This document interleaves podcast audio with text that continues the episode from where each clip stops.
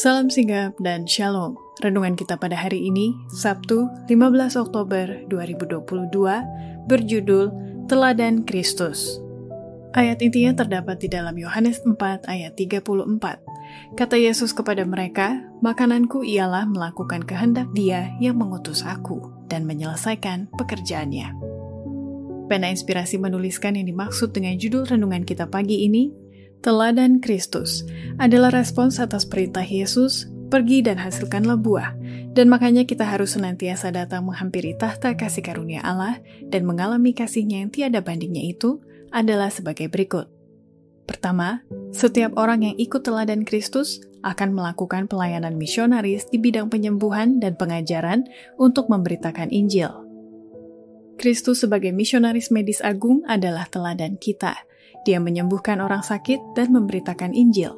Dalam pelayanannya, penyembuhan dan pengajaran dihubungkan dengan erat. Sekarang ini, keduanya jangan dipisahkan.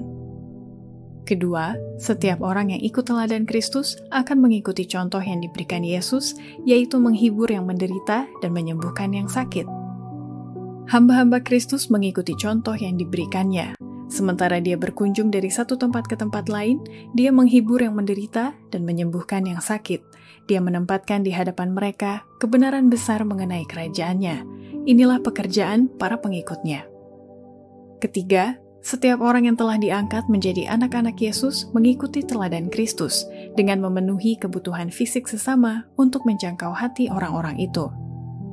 Teladan Kristus harus diikuti oleh mereka yang mengaku menjadi anak-anaknya, Penuhilah kebutuhan fisik sesama manusia, dan rasa terima kasih mereka akan merobohkan penghalang dan menyanggupkan engkau untuk menjangkau hati mereka.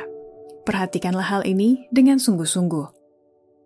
Keempat, setiap orang yang ikut teladan Kristus akan pergi ke mana saja dengan menunjukkan roh tidak mementingkan diri, berbelas kasihan dengan menyembuhkan orang sakit.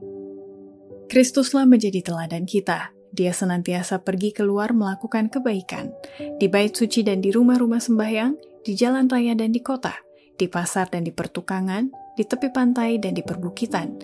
Dia mengkhotbahkan Injil dan menyembuhkan orang sakit. Hidupnya merupakan satu pelayanan yang tidak mementingkan diri.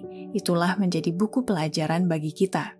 Kasihnya yang lembut dan berbelas kasihan mencela sifat kita yang mementingkan diri dan hati yang tanpa perasaan.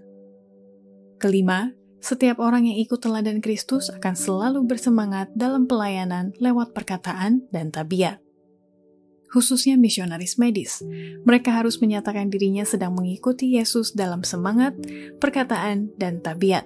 Dan inilah model ilahi dari upaya misionaris medis.